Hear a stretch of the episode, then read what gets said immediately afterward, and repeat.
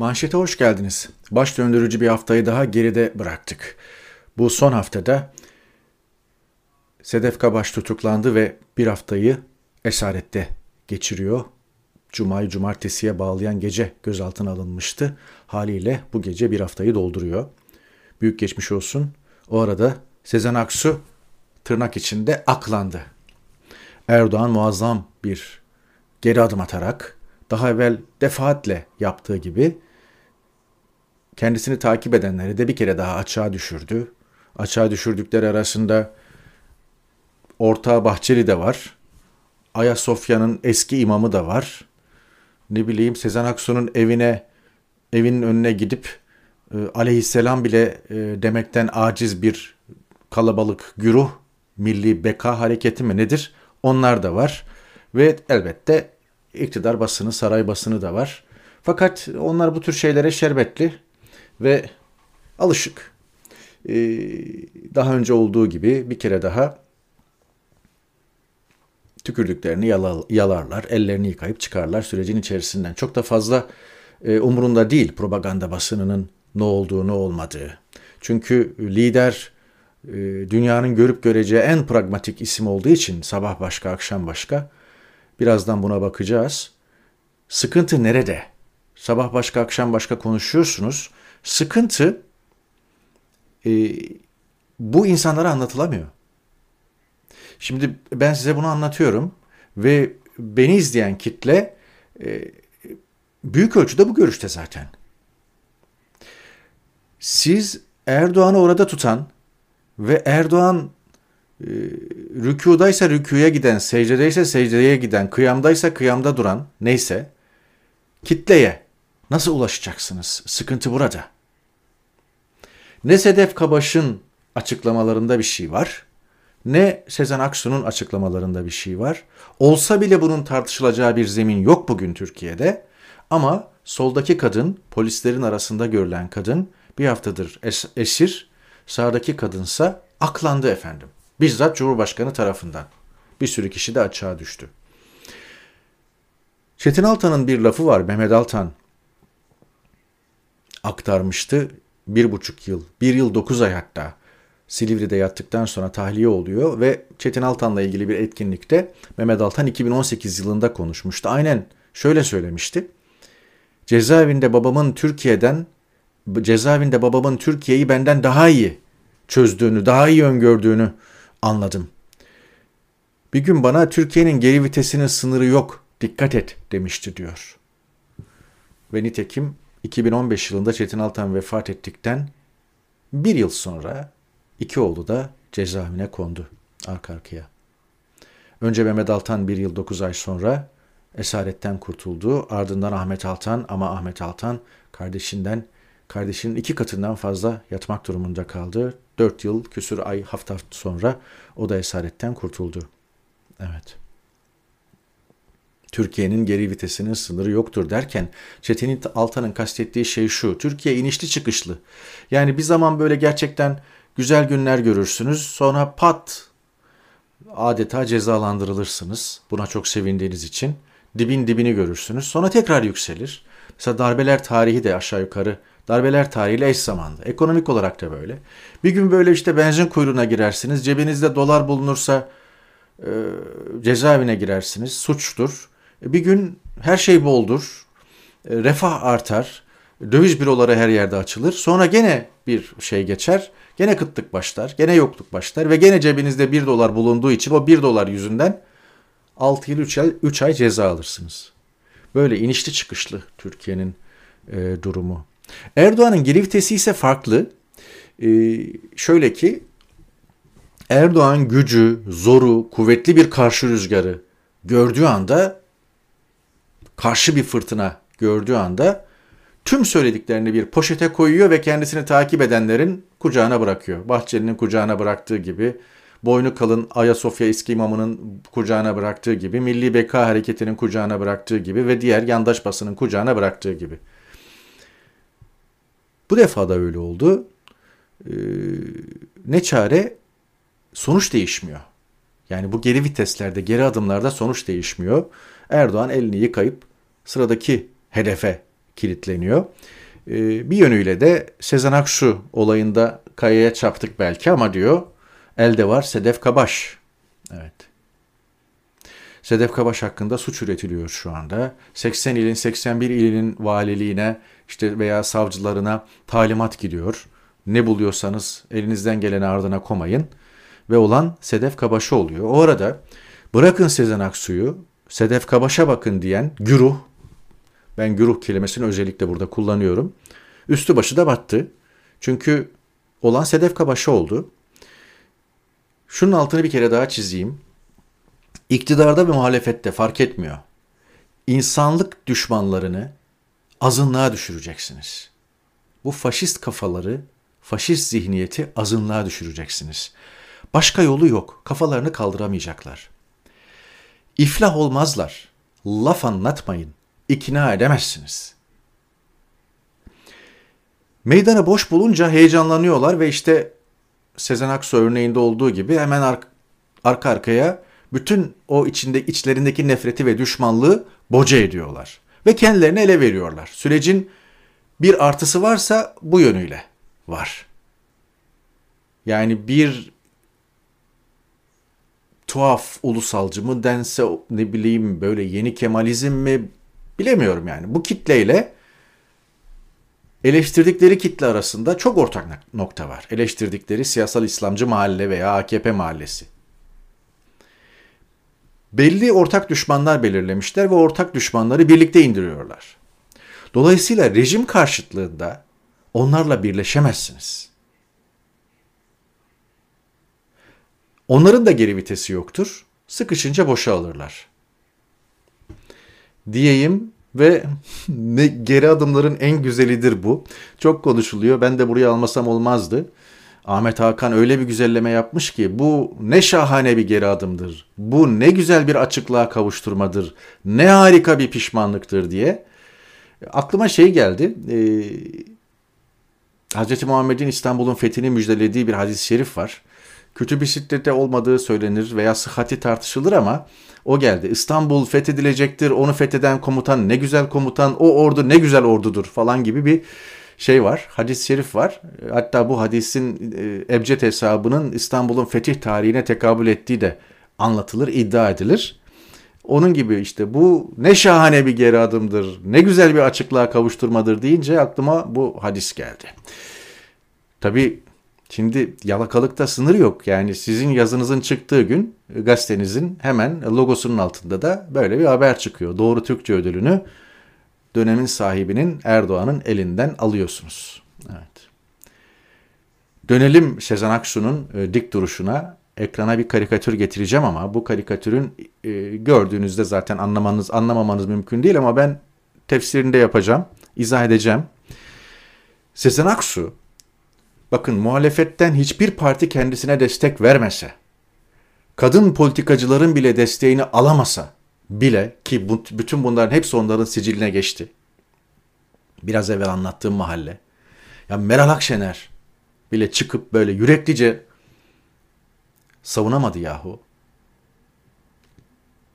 Yani ve yani o kadın minik serçe lakabı nereden geliyor? İşte biraz da Sezen Aksu'nun kısa boyundan veya işte e, fizyolojisiyle ilgili ama ama o, o, o işte o minik serçe sen beni üzemezsin kim yolcu kim hancı dur bakalım beni öldüremezsin dedi ve bu dizelerin gücüyle 72 millet arkasında durdu ve o dillere çevrilerek ve kadın politikacıları da Türkiye'de kendine muhalif denen siyaseti de yerle bir etti. Hepsi susarken dizelerinin gücüyle sıyrıldı çıktı. Güçlenerek çıktı. Onu da belirtelim. Güçlenerek çıktı, büyüyerek çıktı. E, Tolstoy'un çok önemli bir sözü var. Ee, bunu da Edison Fatma Giri'nin cenazesinde söylemiş. Bilmiyordum orada öğrendim. İnsanın diyor gerçek gücü sıçrayışlarda değil, sarsılmaz duruştadır. Bakın şimdi bu karikatür bunun için önemli. Elinde kırbaç bir grubun karşısında işte onları hizaya getirmek, terbiye etmek için biri duruyor. Ve kırbaçı şaklatınca herkes secdeye varıyor. Bir kişi dik duruyor. Sonra dik duranların sayısı artıyor. Dik duranların sayısı artıyor ve bu defa diğerle e, elinde kırbaç olan yere kapaklanıyor. İşte bu bana Tolstoy'un sözünü hatırlattı veya Tolstoy'un sözü böyle bir ortamda çok güzel gidiyor. İnsanın gerçek gücü sıçrayışlarda değil, sarsılmaz duruştadır. Ve Sezen Aksu bu sarsılmaz duruşuyla asıl olayı kopardı. Evet. Geçelim Erdoğan şey Ekrem İmamoğlu Fox TV'de kendini savunmuş ama er, e, Ekrem İmamoğlu ne derse desin olay geçti gitti. Bir önceki yayında zaten Ekrem İmamoğlu'nun bu işte balıkçı da İngiliz Büyükelçi ile buluşma meselesine ilişkin analizimi yapmıştım. İlave hiçbir şey söylemeyeceğim. E, ne derse desin e, durumu toparlayamaz. Yara bere içinde kaldı. Bundan sonra hata yapmadan devam etmesi icap ediyor. Fakat Fox'a yaptığı açıklamada altını çizdiğim bölümler var. Dikkatinizi çekeceğim. Diyor ki İngiltere Büyükelçisi Aralık başında bizi makamımızda ziyarete geldi. İstanbul'da hatta balıkçıyı belirleyerek böyle bir yemek konuştuk. Yani Aralık'ta görüşmüşsünüz İngiltere Büyükelçisiyle, Ocak'ta bir daha görüşüyorsunuz. Ya ben kimseyle iki ay üst üste görüşmüyorum ya. yani. İki ay üst üste. Aralık'ta makama geliyor. Ocak'ta bir daha makama geliyor. Yani İngiltere Büyükelçisi Ankara'dan kalkıp İstanbul'a geliyor. Aralık'ta makamda ziyaret ediyor İmamoğlu'nu. Şu Ocak'ta bir daha geliyor. Bu defa da balıkçıda buluşalım diyorlar. Yani arka arkaya iki ay üst üste İngiltere Büyükelçisiyle sonra da çıkıp kendinizi savunuyorsunuz. İstediğin kadar savun yani. Ama dediğim gibi İngiltere Büyük İngiltere'nin ve İngiltere Büyükelçisi'nin Ekrem İmamoğlu'na ilgisi hem Aralık'ta hem Ocak'ta üst üste hem de Ankara'dan kalkıp İstanbul'da Ekrem İmamoğlu'nun ayağına gelerek görüşmesi altı çizilecek konulardır yani. Tabii Ekrem İmamoğlu'nun sıradan bir isim olmadığını da gösteriyor. Yani olay sadece bir İstanbul Büyükşehir Belediye Başkanı falan meselesi değil. Külahımı anlat onu. İşte işte İstanbul Büyükşehir Belediyesi e, Başkanı diplomatik e, şeflerle işte neyse misyonla falan görüşür. Bu çok öyle değil yani. neyse devam edelim. Oradaki bir vatandaş çekmiş diyor fotoğrafı. Siyasi iletisiyle ilgili başka detaylar var. Kime gönderildiği her detayı biliyorum. İstediğin kadar bil. Yani. Yani ok yaydan çıkmış bir kere. Dediğim gibi analizimi daha önce yaptığım için e, yeni bir şey söylemeyeceğim. Karşınızda öyle bir düşman var ki siyaseten öyle söyleyeyim. Yani her türlü dönebiliyor. Biraz evvel Sezen Aksu olayında olduğu gibi her türlü geri adım alabiliyor. Her türlü manevrayı yapabiliyor. Ve bu manevranın aşağıda bir karşılığı var. Ve biz burada eleştiriyoruz. Eminim beni seyreden insanlar da ya ya gerçekten yani Erdoğan ne kadar kıvrak arkadaş yahu falan diyor. Ve ama bu tabana geçmiyor işte. Bakın Öcalan'ın Demirtaş'ın oradan vermiş olduğu mesajlardan rahatsız Öcalan Demirtaş'ın oradan vermiş olduğu mesajlardan rahatsız ortada bir gerçek diyor. NTV yayınında Erdoğan. Öcalan Demirtaş'ın açıklamalarından rahatsız demiştiniz. Böyle bir bilgi mi var diye sorulunca da e, var ki söylüyorum diyor.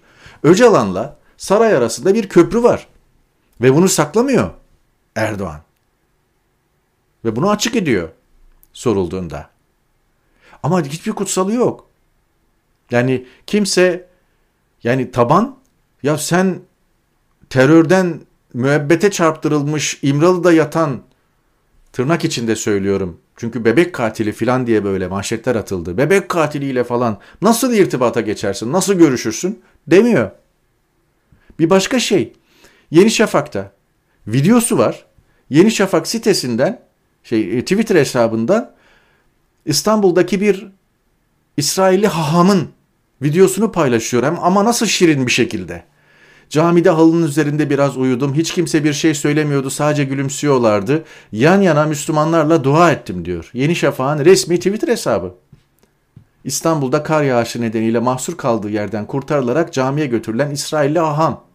Videosu da var. Yeri geldiğinde de böyle güzelleme yapıyorlar. Aşağıdan da bir tane insan ya dün katil, zalim İsrail diyordunuz. Bugün böyle ya arkadaş sizin kaç tane renginiz var, kaç tane gömleğiniz var demiyor, demez. Bir başkası Sefer Selvi çizmiş. Gaziantep, kar esareti karikatürü. Saatlerdir yollarda mahsur kaldık başkan diyor Gaziantep Belediye Başkanı'na. Fatma Şahin. Vallahi benim için hiçbir mahsuru yok diyor Fatma Şahin. Yani bir hafta önce Gaziantep sınıfta kalmış. Gaziantep Belediyesi de sınıfta kalmış karla mücadelede. Ya da kar öyle e, efendim şiddetli yağmış ve gerçekten hani insanoğlunun da çaresiz kalacağı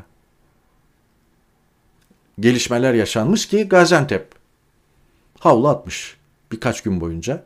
Hepimiz yaşadık. Yani hepimiz yaşadık derken gördük geçen fotoğrafları, videoları, haberleri. E bir hafta sonra İstanbul'da olunca İstanbul Belediye Başkanı dövülüyor, dayak yiyor. Şimdi ben bunu eleştirmiyorum. Orada Gaziantep Belediye Başkanı'nın başına hiçbir şey gelmezken burada Ekrem İmamoğlu İstanbul'un tek sorumlusu olarak gösterilip İstanbul'da yaşanan her şey ona fatura ediliyorsa falan karşınızdaki siyaseten düşmanın farkında olacaksınız. İstanbul'da yaşanan her şey, her arıza müsilajdan gene geliyor yazın. Müsilaj uzmanların demeçlerini okuyorum. Müsilaj bitmedi ki yerin dibinde hala şey suyun dibinde hala var diyorlar. Çıkacak Nisan Mayıs aylarından sonra göreceğiz. Onun faturası da Ekrem İmamoğlu'na kesiliyor. Ulaştırma Bakanlığı'nın alanı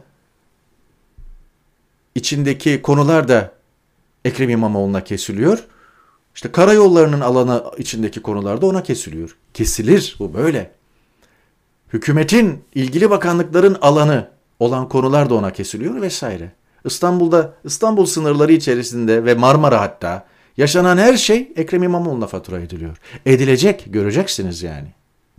Sonra da bakıyorsunuz bu pazar seçim olsa Metropol Türkiye'nin nabzını tutmuş Ocak 2022. Kararsız oylar dağıtılmadan AKP 26, CHP 22, İyi Parti 10.3 filan diye gidiyor. Kararsız oylar dağıt, e, dağıtılmış olarak da şöyle göstereyim. Kararsız oylar dağıtılmış olarak da sağdaki kırmızı blok 34 AKP, 28 CHP, 13 İyi, Parti, 11 e, HDP, MHP'de 5.9 olarak görülüyor.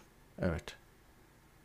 Kararsız ve cevapsızlara mevcut partiler arasında birini tercih etmek zorunda kalsanız hangisini tercih edersiniz diye sorulduğunda AKP'nin oyu bir puan daha artıyor %35.1'e geliyor.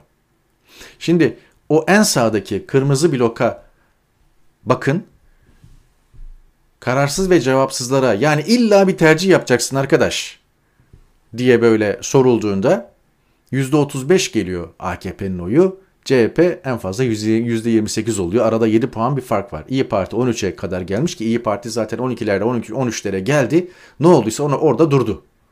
Daha evvel söylemiştim bir kere daha söyleyeyim. İyi Parti aylardır siyaset üretemiyor. Parti bir yere kadar geldi. Sanki bir yerden düğmeye basılmış gibi durdu. Ve hatta e, bir önceki yayında söylemiştim. İyi Parti İstanbul Milletvekili Ahmet Çelik'in mesajları yani işte Cumhur İttifakı'nda işlerin iyi gitmediği, Millet İttifakı'nda işlerin iyi gitmediği ve e, bir dakika dediği falan böyle adeta muhtıra verdiği bir şey. O yeni çağın da sahibiymiş aynı zamanda. Yeni çağ konuşmuş zaten. O detayı atlamışım. Ee, onu da hatırlatayım. Yani yeni çağ, çağ sahibi kimdir? Ahmet Çelik'tir, İyi Parti'de İstanbul Milletvekilidir. Bu detayı bilmiyordum. Evet. Görüyorsunuz hiçbir şey değişmiyor. Ve AKP'nin oyları metropol araştırmaya göre bir önceki aya göre 2 puan artmış. Sonra İzzet Özgenç açıklıyor. Profesör Doktor ceza hukukçusu. Türk Ceza Kanunu'nun yeniden yazan ekibin içinde bir isim.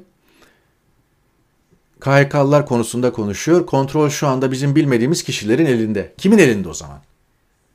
Yani muhalefetin kontrolü kimin elinde?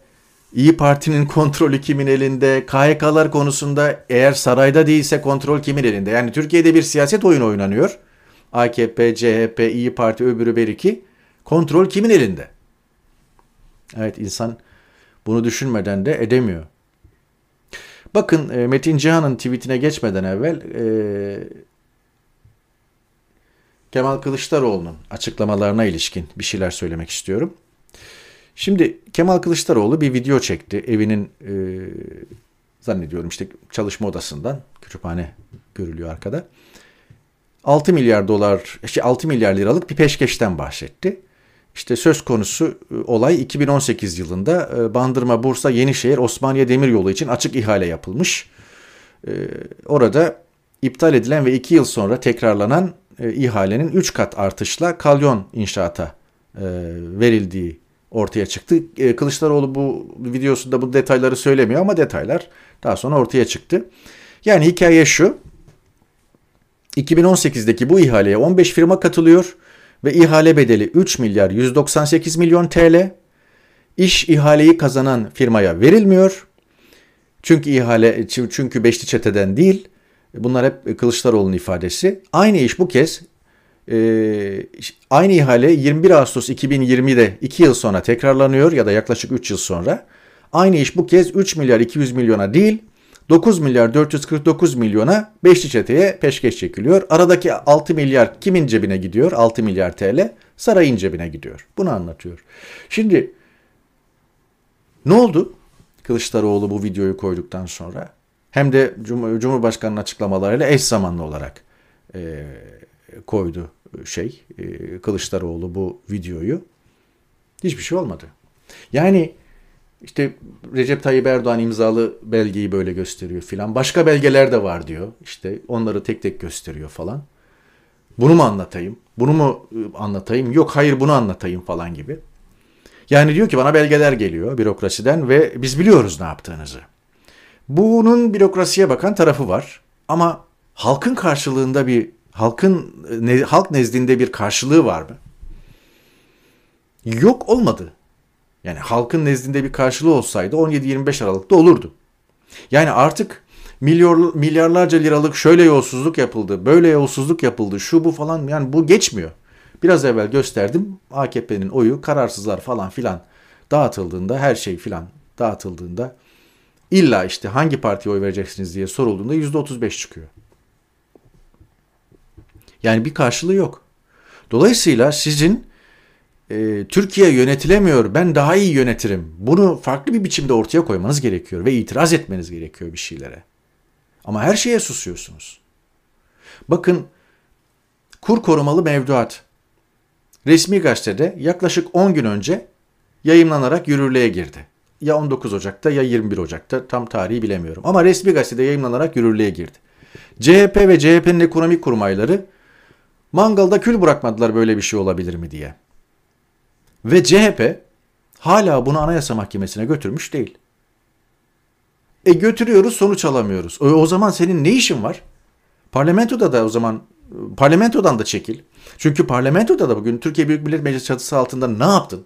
Hangi başarıya imza attın? Bilakis iktidardan gelen her şeyi kabul ettin. Savaş tezkerelerine evet dedin, dokunulmazlık oylamalarında evet dedin. Şimdi gene HDP'li milletvekilleriyle ilgili dokunulmazlık oylaması geliyor. Evet diyeceğini açıkladı.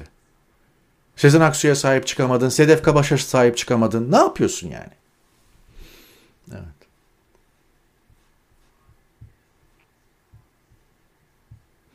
Metin Cihan yazmış. Öyle dümdüz söylemek istiyorum. Fenerbahçe Kalamış Yat Limanı ihalesini yakın zamanda Koç Holding almıştı.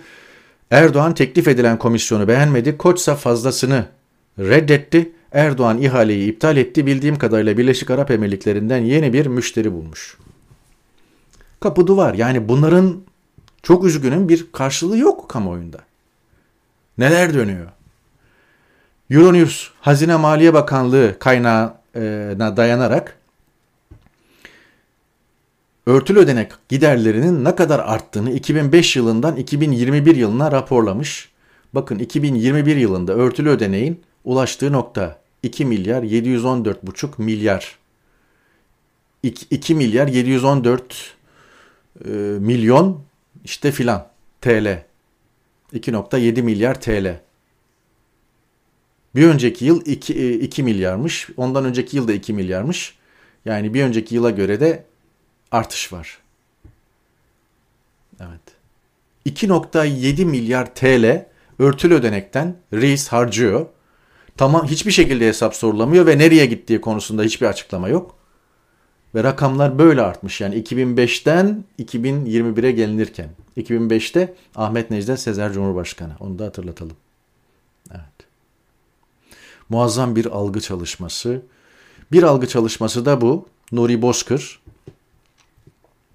Ukrayna'da paketlenerek MIT operasyonuyla getirilmiş. Bari bekleseydiniz diyorum. Hemen Sabah gazetesinin manşetinde kilit isimle kilit isim sabaha konuştu. Hablemitoğlu cinayeti, yok FETÖ irtibatı vesaire. Hemen malum özel istihbarat ekibi hemen e, kafa kola almış. İşte aynı imzalar Abdurrahman Şimşek, Mahmut Övür, Fet, Ferhat Ünlü dört bir koldan çalışıyorlar.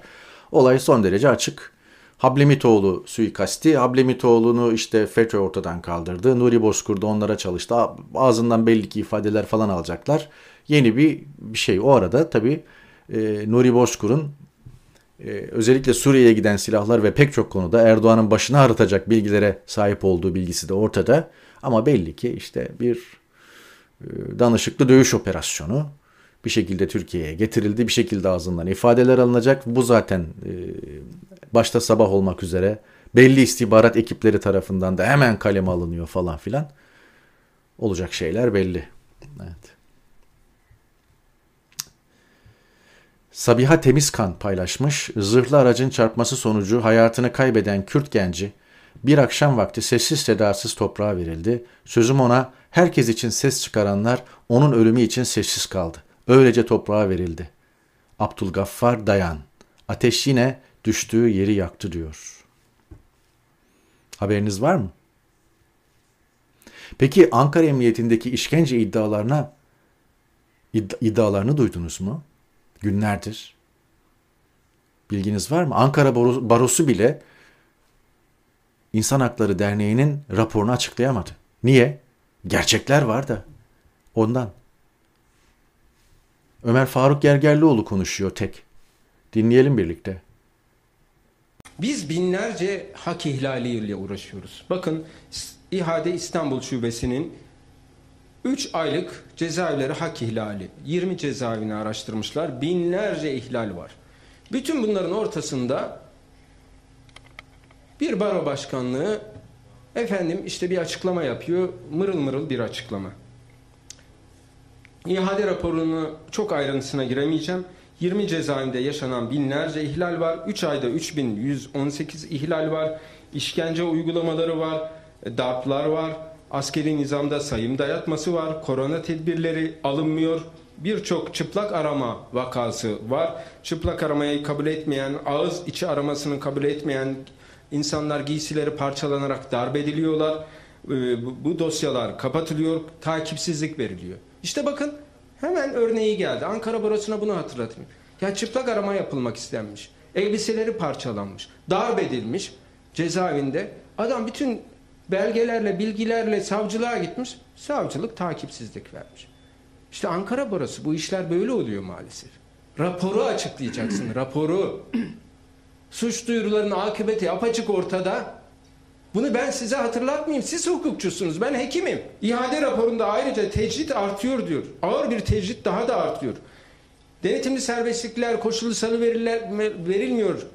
Tahliyeler yapılmıyor. Mahpuslara düşmanca davranışlar, e, istihbarat elemanlarının, polisin yasaya aykırı mahpuslarla görüşmeleri, hücrelere baskınlar, aile avukat görüşlerinde yaşanan sorunlar, görüşe iki ziyaretçi alma kısıtlaması, görüşe gelecek kişinin görüşme yeteneğine sahip olması şartı e, ve e, kişilerin bir, herhangi bir soruşturmadan dolayı görüş hakkının engellenmesi, düşmanca davranışlar, hücrelere baskınlar, aramalar had safhada. Silivri'den e, yine birçok başvuru gelmiş ve idare mahpuslarla görüşmemiş.